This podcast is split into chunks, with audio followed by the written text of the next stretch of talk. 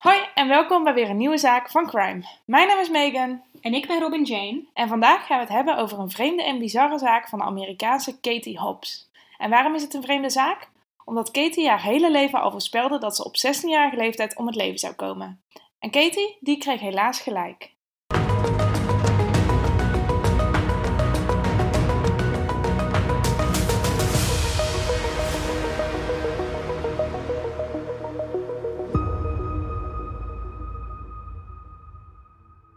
Vandaag gaan we het dus hebben over de Amerikaanse Katie Hobbs. Katie kwam op 16-jarige leeftijd op tragische wijze om het leven, nadat ze haar hele leven al het gevoel had dat ze op die leeftijd zou sterven. Maar waar kwam dat vandaan dan, zo'n gevoel? Want dat is best wel gek, toch? Ja, nou, dat lijkt me ook eh, heel eng om dat gevoel te hebben. Eh, en het kwam niet per se ergens vandaan, want Katie had niet echt een hele slechte jeugd, maar ze heeft wel moeilijke dingen meegemaakt. Ze had een hele goede band met haar ouders, vooral met haar vader. Maar haar ouders besloten op achtjarige leeftijd om te gaan scheiden. En Katie, die moest bij haar moeder gaan wonen. Het contact met haar vader eh, verbrak ze niet, maar ze had het er wel heel moeilijk mee. Toen ze daarna 12 of 13 was, ik heb dat niet helemaal kunnen, ja, een vaste leeftijd eraan kunnen pinnen. eh, maar op 12 of 13-jarige leeftijd overleed haar beste vriendin. En dat heeft waarschijnlijk de angst voor een naderende dood bij Katie in gang gezet.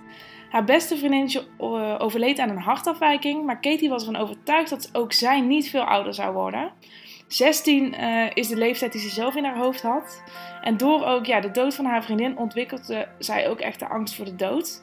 En dit hield ze ook niet geheim. Ze vertelde tegen iedereen eh, dat haar angst groeide, dat ze echt dacht dat ze niet ouder zou worden dan 16. En ze was er zo van overtuigd en bang dat haar ouders besloten dat Katie in een andere leefomgeving moest leven. Want uh, waar ze daar leefde, hield alles haar ja, tegen om te leven. Ze zat alleen maar op haar kamer.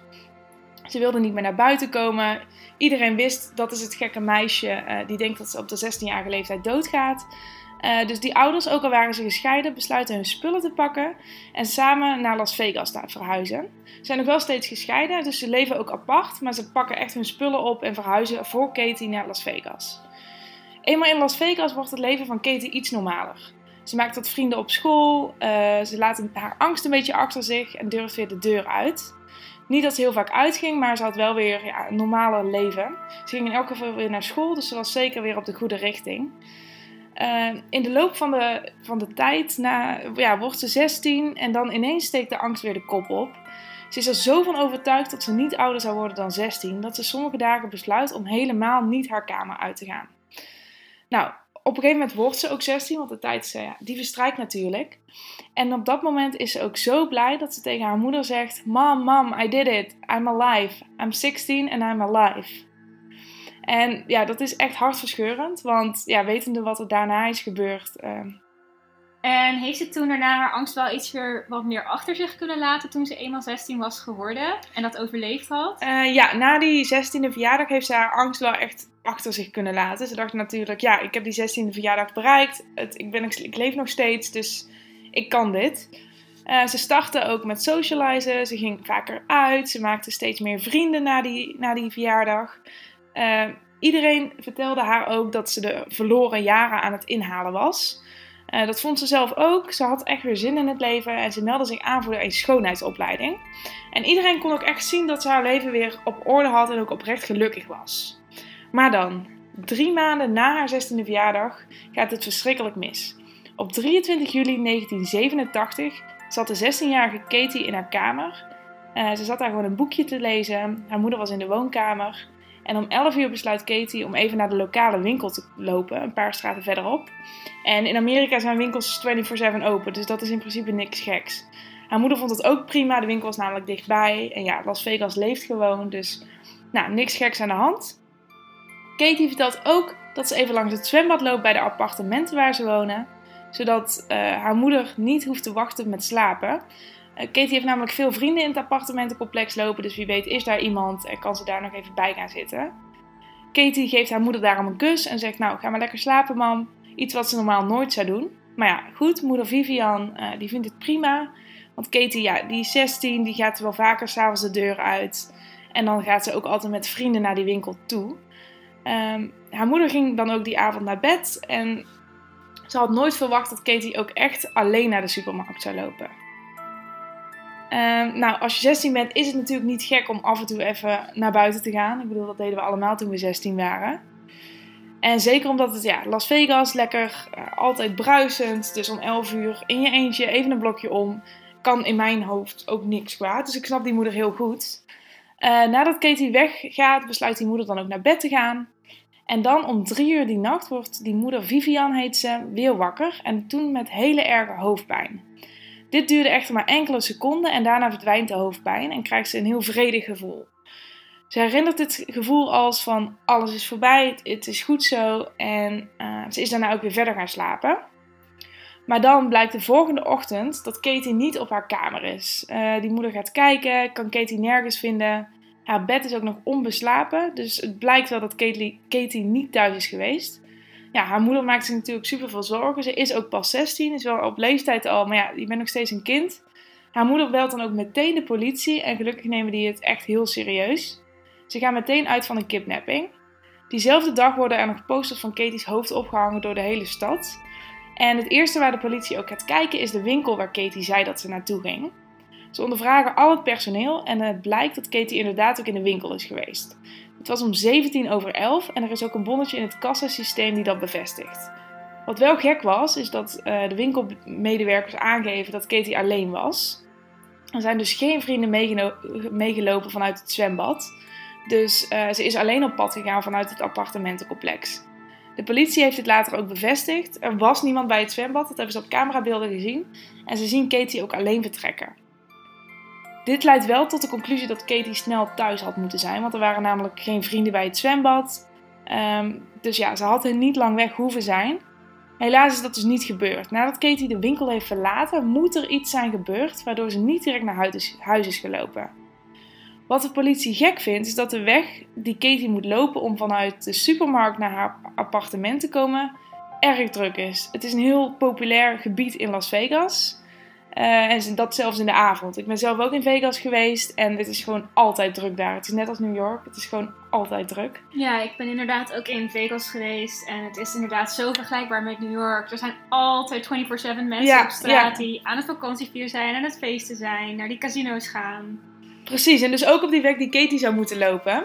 Het gekke is alleen dat wanneer de politie een oproep doet om, of iemand haar gezien heeft, dan komt er niemand naar voren. Dus niemand heeft Katie die avond op, op dat stukje gezien. Uh, de politie tast dus echt volledig in de duister wat er met Katie gebeurd is op de terugweg. Negen dagen later komt er uh, dan verschrikkelijk nieuws naar buiten. Katie is gevonden door een geoloog in Lake Mead. Dat is een verlaten natuurgebied zo'n 30 minuten van Las Vegas vandaan. De politie gaat er meteen heen en concludeert inderdaad dat dit gaat om Katie.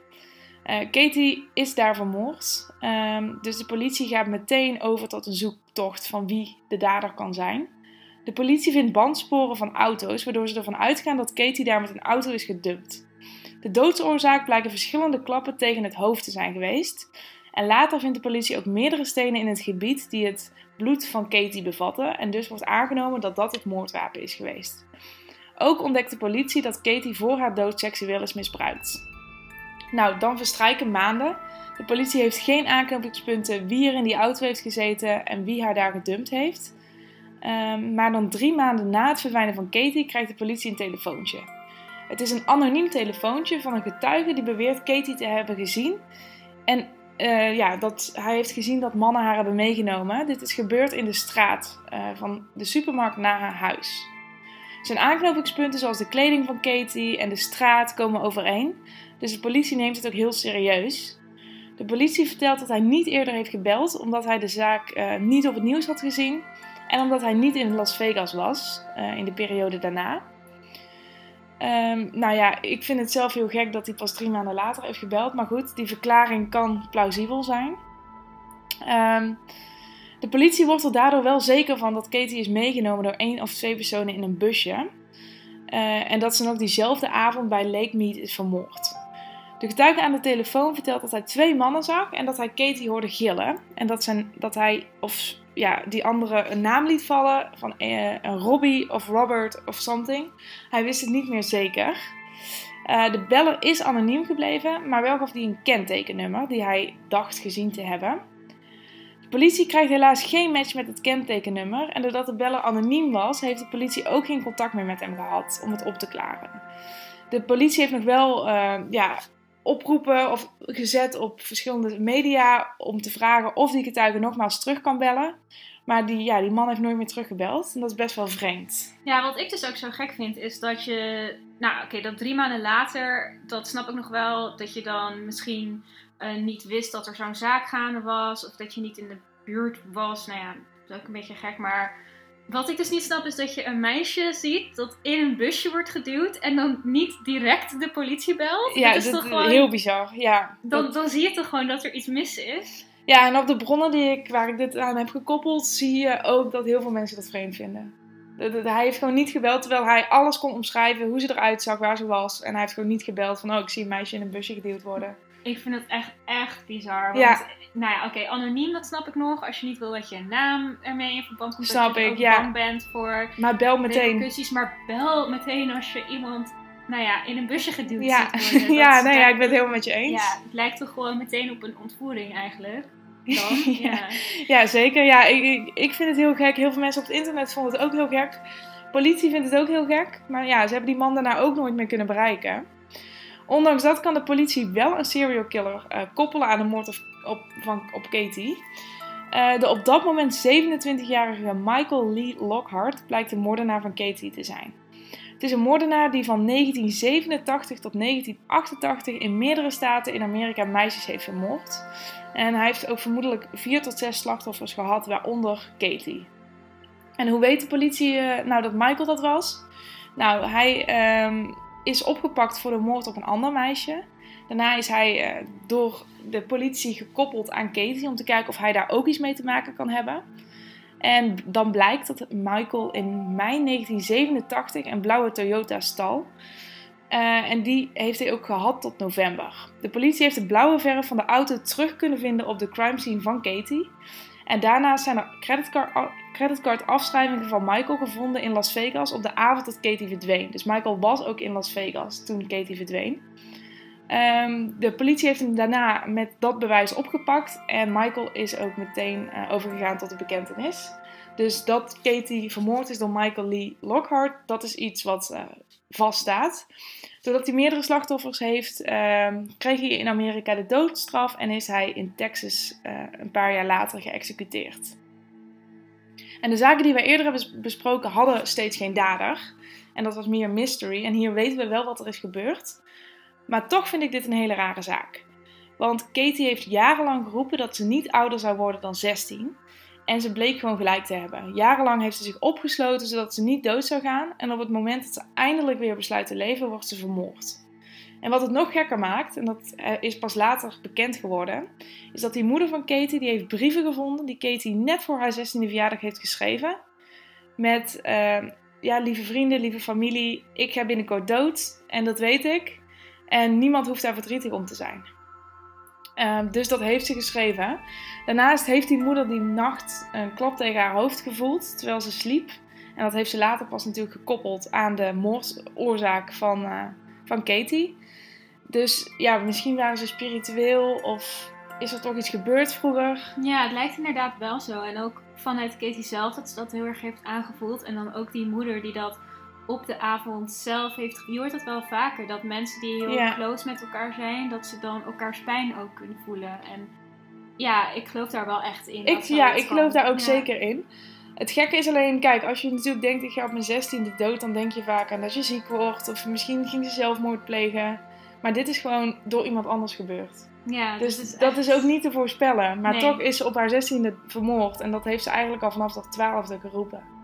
Ja. Dus ja, ik vind dat heel bizar. En daarom vond ik deze zaak ook echt wel de moeite waard. Um, het is gewoon erg vreemd dat ze het heeft zien aankomen. Maar hoe ze dat weet, dat, ja, dat zullen we helaas nooit meer weten.